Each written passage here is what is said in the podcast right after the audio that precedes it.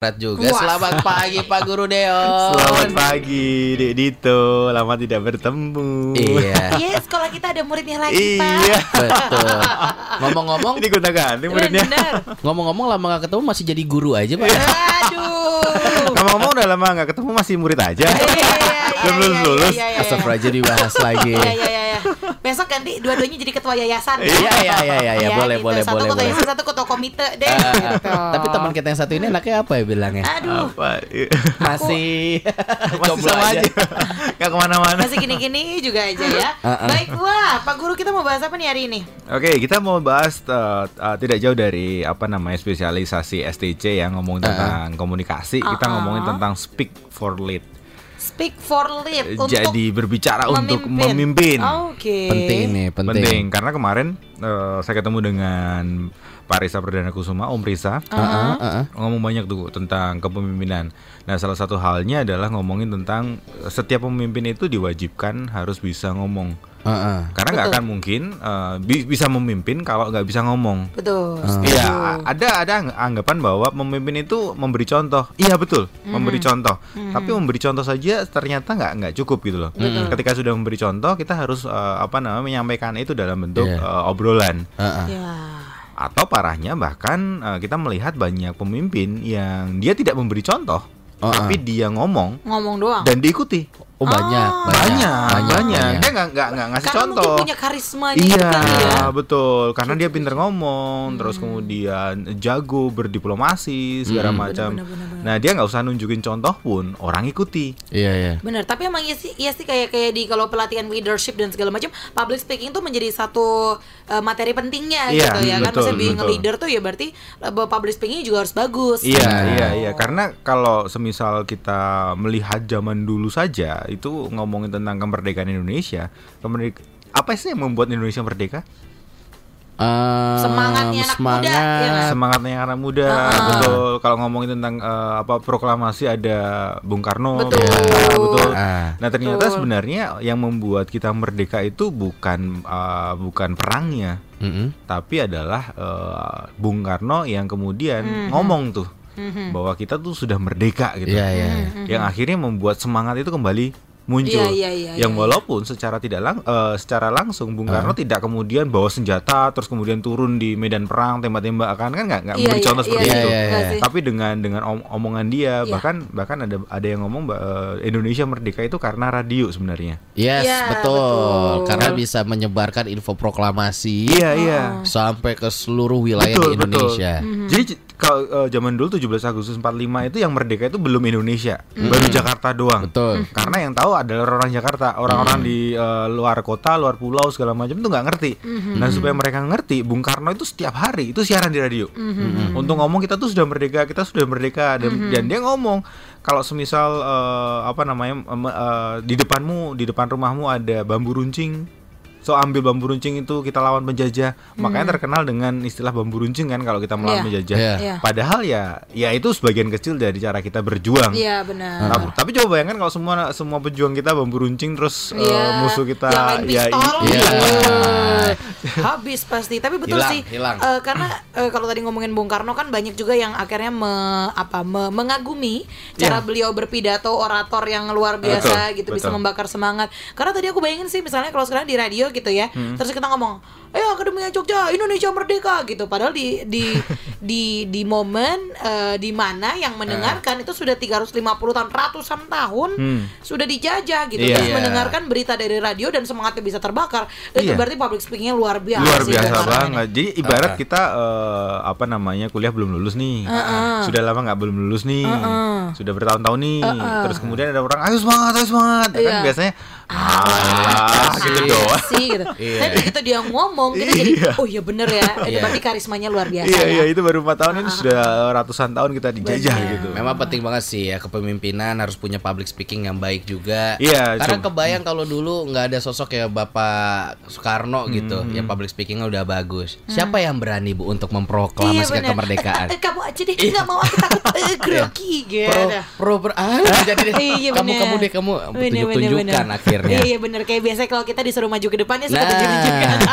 grogi Oh, banget. iya, iya. Atau nyiapin PPT dulu yang lama. Nah, Cuma dikopas aja Iya, gitu. bener, Iya, bener, eh, bener, ta- bener. tapi eh, apa namanya banyak juga pemimpin yang menggunakan karisma ngomongnya, karisma public speakingnya itu untuk tujuan yang yang kurang kurang oke. Oh sering tuh kalau pemilu-pemilu Oh, jadi pemilu. Anjing sih jadinya.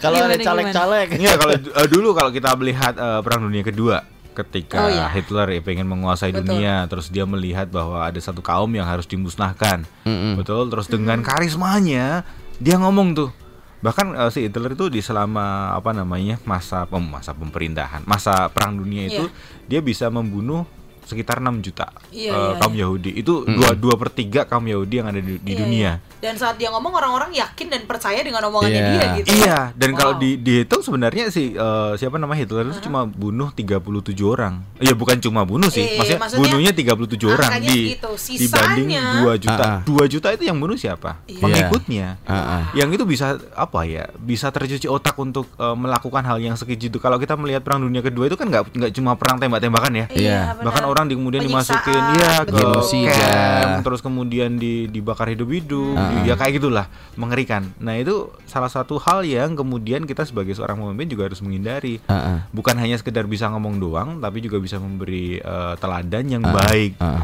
Kalau zaman sekarang kita ngomongin tentang teroris itu, Mhm. kan itu ngeri ya. Orang-orang yang kemudian mendengar eh, orang ngomong, terus kemudian eh, orang itu rela mati dan rela matinya bukan untuk memperjuangkan kemerdekaan enggak, tapi untuk me- bah- bahkan untuk membunuh orang gitu loh. Iya, iya, iya. Kan iya. itu kan sesuatu yang kalau kita eh, orang-orang normal gitu ya, itu kan mungkin kok iso yo, Iya. Betul. kok iso melakukan seperti itu. Ah. Nah itu mungkin salah satu halnya adalah kepintaran si eh, provokatornya itu untuk Betul. eh, menanamkan satu doktrin tertentu yang sehingga dia eh, dengan rela loh suka hati Iya, iya, iya, membunuh orang lain. Wow, benar sih, benar ngeri, sih. Jadi ngeri, ternyata ngeri, dari benar-benar dibilang tuh mulutmu harimaumu tuh beneran Iya, ya. iya. Gitu, memang benar lidah ini apa pedang seperti pedang bermata dua. Lidah ini tidak bertulang. Betul sekali. Habis ini kita akan bahas lebih banyak nih Akademia Jogja. So jangan ke mana-mana. Kalau kamu juga mau ada pertanyaan mungkin tentang bagaimana kita bisa apa berbicara yang baik gitu Uh-uh. untuk bisa menjadi leader yang baik juga ya. Boleh langsung tanya-tanya aja via WhatsApp Suara Gama FM di 0811 250 1017. Pengen request lagu atau pengen ikutan obrolan pagi ini?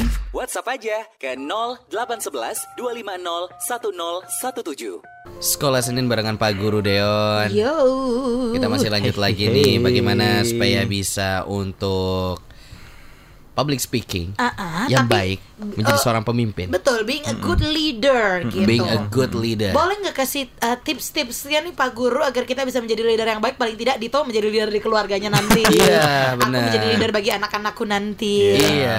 Ya minimal Gitu. bisa jadi leader untuk diri kita sendiri Oh, ya. iya benar, Kalau kita sa- saat ini masih masih kuliah, Betul. masih tidak ada posisi tertentu. Uh-uh. Nah, itu kita bisa bisa bis- bisa itu ngomong untuk diri kita sendiri karena Oke. apa? Karena motivator paling gede dalam dalam kehidupan kita itu bukan orang lain, bukan Mario motivator Teguh juga bilang ya? No, no, no, Tidak, tidak, tidak. Tapi adalah diri kita sendiri. Oke. Ya dan yang pasti Tuhan nomor satu lah ya. Betul. Cuman kemudian eh, habis Tuhan siapa? Kita. Ya. Karena kita saja yang bisa kemudian membuat kita bergerak. Mhm. Nah, so sebelum kita ngomongin tips sebenarnya gini, kenapa saya mengangkat eh, materi ini selain dari Pak Risa itu? Mm-mm. Karena kalau di kelas STC itu kan ada kelas private ya. Iya. Kelas private itu tidak sedikit. Kelas private itu jadi gini, bedanya kelas private dengan kelas reguler Reguler. tuh, reguler itu kita nunggu kuota, kuota dat- eh, kuota terpenuhi, jalan. Kuotanya nggak banyak-banyak kok cuma enam orang saja, enam orang sudah terpenuhi, kemudian jalan dan itu biasanya seminggu dua minggu udah jalan. Oke. Terus kemudian ada kelas eh, private. Kelas private itu di mana yang mereka tidak punya waktu luang banyak. Mhm. Jadi waktuku nggak nggak tentu mas bisa pagi bisa sore bahkan bisa malam. Mending pakai private aja Nah ya. itu private yang Dan ketemu langsung satu orang betul aja. satu orang dan langsung kebutuhannya apa terus kemudian langsung nyasar ke situ jadi nggak akan banyak teori langsung banyak praktek. Hmm. Nah kelas private ini ternyata banyak eh, yang ikut adalah para petinggi-petinggi loh. Ada yang eh, dosen, ada yang pimpinan sebuah lembaga. Oh, baik, baik, baik, baik. Dan itu tuh ke- kebanyakan dari mereka jadi gini. Mereka bisa naik ke posisi itu, Ah. ya ad- ada yang kemudian karena prestasinya oke, Ya. ya banyak.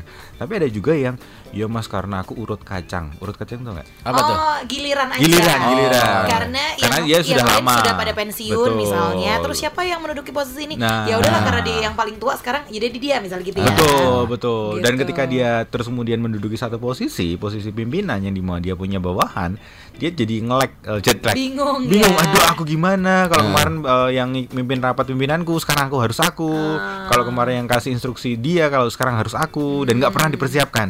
Makanya kemudian ikut eh, yang namanya kelas private. Oke. Nah dari hal itu eh, apa namanya muncul untuk oh ya wes lah kita buatin satu sekolah Senin yang untuk pemimpin-pemimpin yang semisal tidak punya persiapan tiba-tiba ditunjuk atau tiba-tiba eh, naik Iya. jabatan gitu dan belum siap. Mari kita bahas gimana caranya supaya kita bisa ngomong tuh Baik. di apa namanya depan tim kita. Caranya ada. Caranya adalah yang pertama kalau kita mau ngomong di depan followers kita, di depan eh, anak buah kita atau di depan tim kita, kita harus ngerti dulu tuh kebutuhan mereka apa. Hmm. Duit, gaji gitu. Ya, eh, ngomongin tentang duit, ngomongin tentang duit tidak harus selalu dengan uang ya, maksudnya dengan kesejahteraan. Iya, iya, iya, kesejahteraan tidak harus selalu ngomongin tentang uang. Iya. Nah, kadang pemimpin ketika wah aku harus kalau kalau ngomong sama timku itu nanti ujung-ujungnya duit. Iya memang karena eh, banyak orang yang bekerja tujuannya untuk duit. Pasti. Ya kalau kita nggak ngomongin duit ya mereka nggak akan kemudian eh, Capek-capek kerja. Iya. Ah, nggak ada Nah. orang kerja ujung-ujungnya hikmah nggak ada. Nggak ada, walaupun itu poin kesekian ya. Poin kesekian. Nomor satu tetap uang. Tetap uang. Iya, iya, iya. ya selain cari cari pengalaman juga cari uang. Nah makanya kita harus lihat dulu di kebutuhan mereka. Bisa jadi kita pimpinan sebuah eh, gerakan Iya. yang di mana followers kita datang bukan cari uang kan? Ah. Nah kita ngomongin eh, kebutuhan mereka apa? Oh, Benar. oh eh, anak-anak ini datang karena mereka punya kebutuhan tentang apa? Semisal Idealisme ngomong tentang tertentu. idealisme tertentu Iya, atau hobi iya. tertentu. Iya. Ya sudah berarti kita fokusnya ngomongin di situ. Ah. Jangan ngomong hal-hal yang lain. Nah, kalau kita ngomongin eh, perusahaan, ya mungkin kita akan ngomongin tentang salah satu hal ya yang mereka suka biasanya ngomongin tentang kesejahteraan. Iya. Nah, itu di, diulik lah. Nah, gimana caranya ngulik supaya kemudian kita nggak kepleset lidah, kepleset Hmm. lidah dalam, dalam arti kita memberikan janji yang kayak emosional gitu loh. Iya, iya, iya, iya. yang kita nggak pikir panjang kemudian itu keluar aja. Benar-benar. Dan kalau kemudian let's say ada yang ngerekam, ada yang kemudian mencatat, ada yang kemudian wah itu Iya, akan, akan itu. jadi bumerang. Kena Ah, ah. nih. Kayak iya. kemarin kasusnya kan gitu ya. Eh, ada yang diwawancarai terus kemudian ngomong bahwa kehamilan itu Di kolam di kolam renang. Padahal dia seorang pemimpin. Benar, jadi permintaan maaf dan Iya. sebagainya. Tapi kan secara image sudah eh, apa negatif gitu Sudah ya. Betul, Iya, Iya, betul. iya. Karena tadi ah, agak sedikit ah, melenceng dari apa yang disampaikan, ngomongin Baik. tentang ke keguguran kalau kalau Iya, nggak iya, salah iya, ya. iya. Terus ngomongin tentang eh, itu kan jadi jadi beda. Nah, jadi tahu kebutuhan followersnya dulu, eh, apa namanya, eh, berbicara seputar itu supaya orang juga suka. Yes. Lalu yang kedua, ada yang disebut dengan 3C. Apa itu 3C? Clear, concise, and consistent. Oke. Eh, ya, jelas, ringkas, konsisten. Jelas, padat, dan konsisten. Iya, iya. Jadi apa yang kita sampaikan itu harus jelas, terlihat artinya apa, ngomongnya apa. Nggak Terus usah kemudian nggak usah muter-muter, ringkas, eh, pa- padat. Dan yang terakhir adalah konsisten. Apa yang disampaikan itu yang dilakukan. Ah. Jadi nggak Hmm, cuman hmm. cuma ngomong doang. Nggak eh, karena zaman sekarang bukan zaman lagi zaman retorika yang harus panjang lebar dua Iya. jam tiga Iya. jam eh, ngomong enggak. Iya, iya, iya. Bahkan zaman dulu pun juga seperti itu. Eh, ada kejadian kalau eh, Cici Dito tahu Abraham Lincoln, Mhm. salah satu pre- presiden Amerika, ada sebuah sebuah pidato yang sangat terkenal dari dia.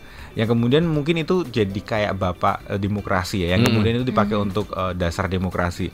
Jadi ketika itu ada eh, seremonial pemakaman. Jadi ada perang-perang, terus kemudian ada yang gugur meninggal, terus kemudian dimakamkan. Nah dimakamkan itu ada seorang jenderal yang kemudian dia kasih speech selama dua jam. Hmm. Nah kemudian ditutup oleh Lincoln yang cuma ngomong sekitar dua menit. Oke. Dua menit dan kalau dihitung itu katanya sekitar 270-an kata lah. Oke. Dan hanya dari dua menit itu justru yang kemudian membuat orang lebih ingat. Iya. Oh. Karena dari situ dia dia ngomong bahwa eh, apa namanya pemerintahan itu adalah dari rakyat oleh rakyat dan untuk, Untuk rakyat. rakyat. dan itu tidak akan binasa di muka bumi ini. Nah itu yang kemudian diingat bahkan sampai sekarang. Hmm. Nah itu ngomongin tentang gimana seorang leader itu ngomongnya nggak usah muter-muter, Iya. nggak usah berretorika, nggak usah berjanji-janji Manis. manis.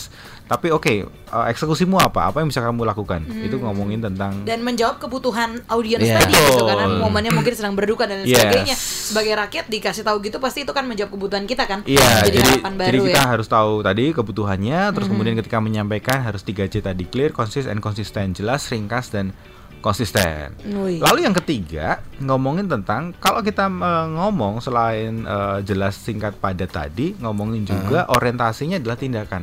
Mhm.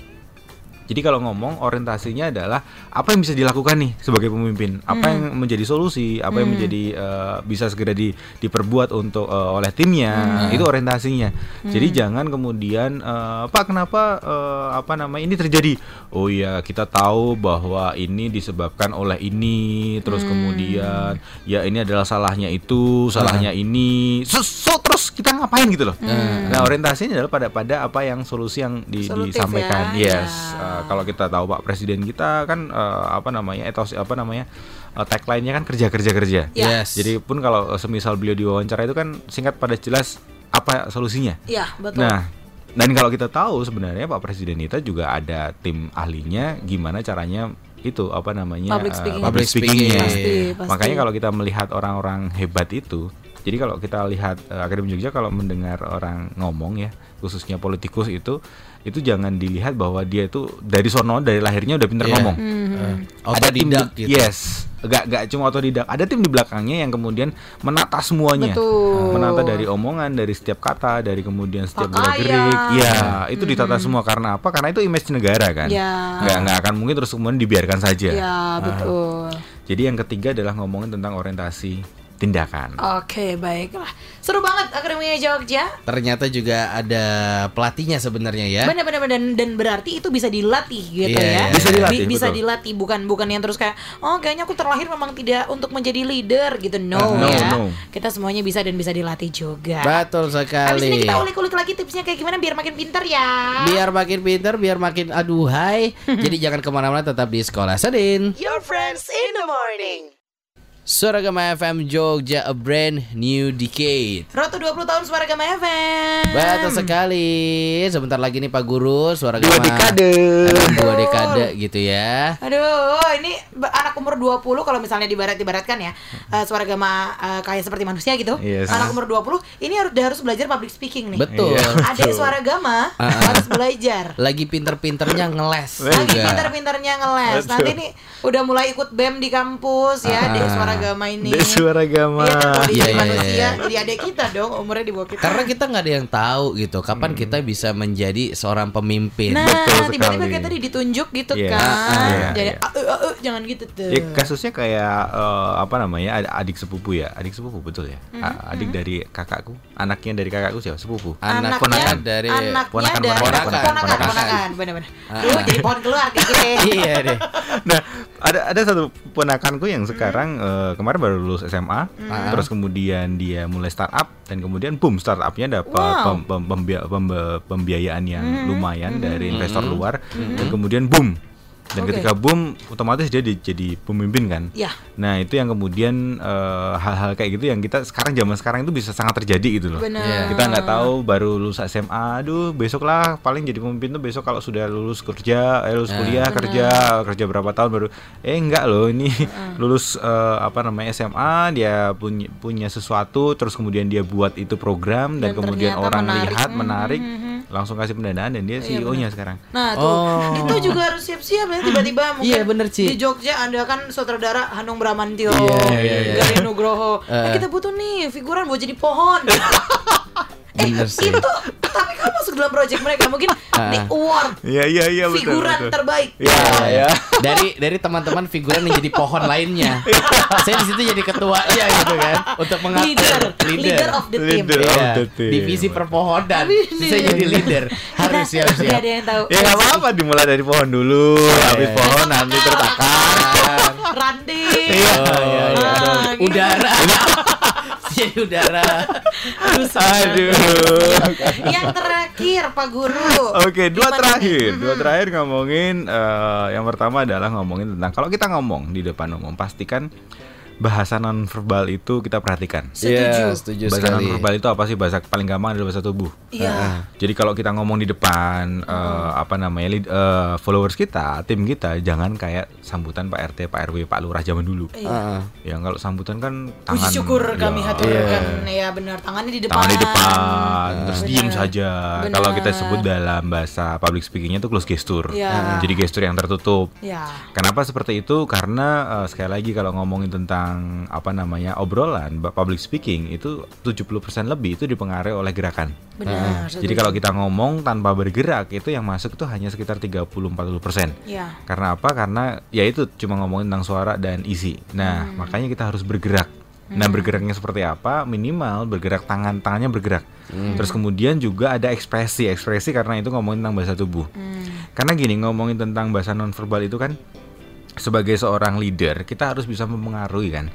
Nah, mempengaruhi itu hubungannya bukan eh, apa namanya? bukan hanya sekedar logika, tapi lebih kepada perasaan, lebih kepada emosi. Logika masuk tapi emosi nggak masuk, nggak akan nggak akan bisa masuk. Tapi kalau emosi masuk, logika nggak masuk, masih bisa dimasuk masukin. Ah, iya, Betul iya, nggak? iya, Kalau betul, semisal betul. kita kita cinta terhadap seseorang, terus kemudian seseorang itu nipu kita, Iya, tapi masih cinta. tapi masih cinta. Masih- masih aja masih bisa- yowes bisa lah, nggak masukin, apa-apa lah, nggak iya. apa lah. Karena eh, itu tadi emosi bisa kemudian mempengaruhi logika, masih bisa dimasuk-masukin. Hmm. Nah, makanya sebagai leader kita harus bisa mempengaruhi mereka dengan cara berekspresi. Betul. Supaya apa? Supaya ekspresi itu mengeluarkan energi-energi dalam bentuk emosi. Iya. Pernah nggak sih kalau kita kumpul dengan teman-teman lagi seru-seru, wah, lagi happy-happy, terus kemudian ada satu eh, teman kita yang kemudian kita tahu orang itu nyebelin banget. Begitu dia datang tiba-tiba sot, senyap, anyep. Iya, benar. Betul. Kena irut lagi Kayak, dia. kayak pas Dito datang gak sih? kita jadi kayak diem Iya. gitu. Perasaan kemarin kita nggak kayak gini ya, Ci, ya. Ah. Lebih semangat ya, Ci ya. Kemarin party. Iya. Lord. diem diem diem saya kentut loh lebih diem nanti suasananya Bener, bener, bener. Iya, jadi iya, jadi eh, apa namanya emosi itu keluar dari eh, salah satunya eh, emosi keluar dari ekspresi. So tunjukkan ekspresi ketika ngomong. Nah, Nah, yang terakhir tidak kalah dari ngomongin tentang bahasa verbal adalah, nah ini yang jarang sekali orang perhatikan. Ya. Kalau orang ngerti, orang banyak ngerti tentang bahasa nonverbal harus Ya, bergerak segala ya, macam. ya, ya, ya. Nah, orang tidak banyak memperhatikan karena orang mengira eh, hal ini adalah hal yang biasa, yaitu ngomongin tentang vokal, Hmm. suara. Ya karena tadi apa? Karena tadi cuma 30 sekian persen tuh ngomong tentang suara. Sehingga fokusnya adalah Wow berarti 74 persen. Ya wes aku fokus di 17 ju- eh, 74 persen doang itu. Sisanya eh, insting saja. Oh. Nah karena itu terus kemudian banyak orang yang hanya bergerak doang Tapi suaranya fals lah, nyempreng lah Bener. nggak enak lah didengar Atau artikulasinya tidak jelas. artikulasinya nggak Kaku jelas, Gitu ya, betul. bener. Ngomongnya cepet, Iya, terus iya, kemudian iya, iya. eh, datar dari ujung sampai ujung datar ngomongnya. Hmm. Nah itu yang kemudian membuat orang nggak mau mendengarkan. Jadi vokal itu juga Vokal. istilahnya kayak kayak senjata ujungnya Iya, gitu. iya, kan? iya, betul Iya, betul. iya, iya. Apalagi semisal kalau kalau ngomongin kita di radio, betul ya kita Hmm. nggak dilihat secara langsung, kita cuma didengar secara, eh, audio ya kita cuma Betul. didengar audio kita, nggak Iya. bisa dilihat. Nah makanya senjata utama kita kan ngomongin tentang suara. Suara, nah kita benar. kita ngerti tuh eh, bagaimana kita mengolah suara. Nah Iya. orang di luar sana, nah banyak yang nggak ngerti gimana cara mengolah suara. Heeh. Mau dong belajar dong. Nah makanya kalau ngomongin tentang mengolah suara, contoh contoh paling paling gampang adalah eh, pembicara ataupun pemimpin Mhm. mana yang lebih kelihatan eh, berwibawa, cowok atau cewek? Em, Aku sih cowok ya, sebenarnya bukan maksudnya untuk gender. Ya bukan Gender untuk ya. gender, yes betul. kalau Dito sih cowok sih Iya, Cowok dan kalau lihat banyaknya pun banyaknya cowok. Betul kalau kalau semisal eh, di bidang-bidang gua, bidang Iya. ngomong tentang trainer Iya. atau public speaker, itu banyak kan yang cowok. Iya. Kenapa? Bukan berarti cewek nggak bisa loh ya. Bukan Hmm. berarti cewek lebih bodoh enggak. Cewek banyak yang jauh lebih pinter, cewek Iya. banyak yang jauh lebih capable. Aha. Tapi masalahnya adalah default kita, cowok dengan cewek suaranya tuh beda. yes Ah, ya. Suara benar. cowok itu lebih bulat. Ah, ya. Dan bulat itu terdengar lebih bijaksana. Iya, iya, Betul. iya, iya. Kalau cewek kecenderungannya lebih tinggi treble-nya. Iya, iya. Kalau cowok bassnya yang lebih tinggi. Ah. Sehingga cewek kalau didengarkan lama itu kadang kemudian capek yang dengerin. Karena nada tinggi. Iya. baunya pengen langsung dipeluk gitu Kok jadi dibelu. Jangan di kolam renang terhamil. oh iya iya iya jangan nggak Nggak boleh boleh, nggak nggak boleh. hindari kolam berenang sekali lagi hindari. Oh gitu. Iya, ya, bu- bukan berarti semuanya enggak, enggak mengeneralisir. Tapi memang sebagian besar eh, defaultnya cewek itu suaranya lebih ke treble. Oh, Tapi bisa gitu dilatih kan? Nah Dewa? makanya bisa dilatih, cuman latihannya banyak orang yang kemudian eh, oh berarti kalau ngomong itu harus latihan vokal, terus kemudian daftarlah di suara eh, sekolah vokal yang untuk nyanyi. iya iya Padahal beda. Padahal beda. sama Mbak Berta Kita nggak harus gitu solmisasi do re mi do re mi. Iya. Usah ya. Karena apa? Karena ngomongin tentang sekolah, ya mungkin basicnya kurang lebih sama, Sama. tetapi Iya. nanti detail-detail perintilannya akan beda. Karena untuk public speaking. Karena untuk public Oh. speaking. Bukan untuk nyenyong. Betul, untuk public speaking, untuk kemudian mempengaruhi orang, Iya, menjadi seorang persuasi, pemimpin, betul. persuasi. Itu kalau suara kita enak, Cakep Wah. tuh. Iya. Enak tuh. Apakah suaraku cantik Asik. Akademia Jogja? Apakah suara Dito sangat laki-laki? ah, pengen digampar. Makanya kalau Akademi Jogja memperhatikan di suara gama, mendengarkan pen- penyiar-penyiar cewek, itu semuanya itu ce- kecenderungannya ngebas. Betul nggak sih? Iya sih. Iya kan? Lebih Iya bulat kan? Bulet, bulet. Bulet. Banget Cici. Iya. Suaranya. Makasih. Kamu juga bulat. Apa ya?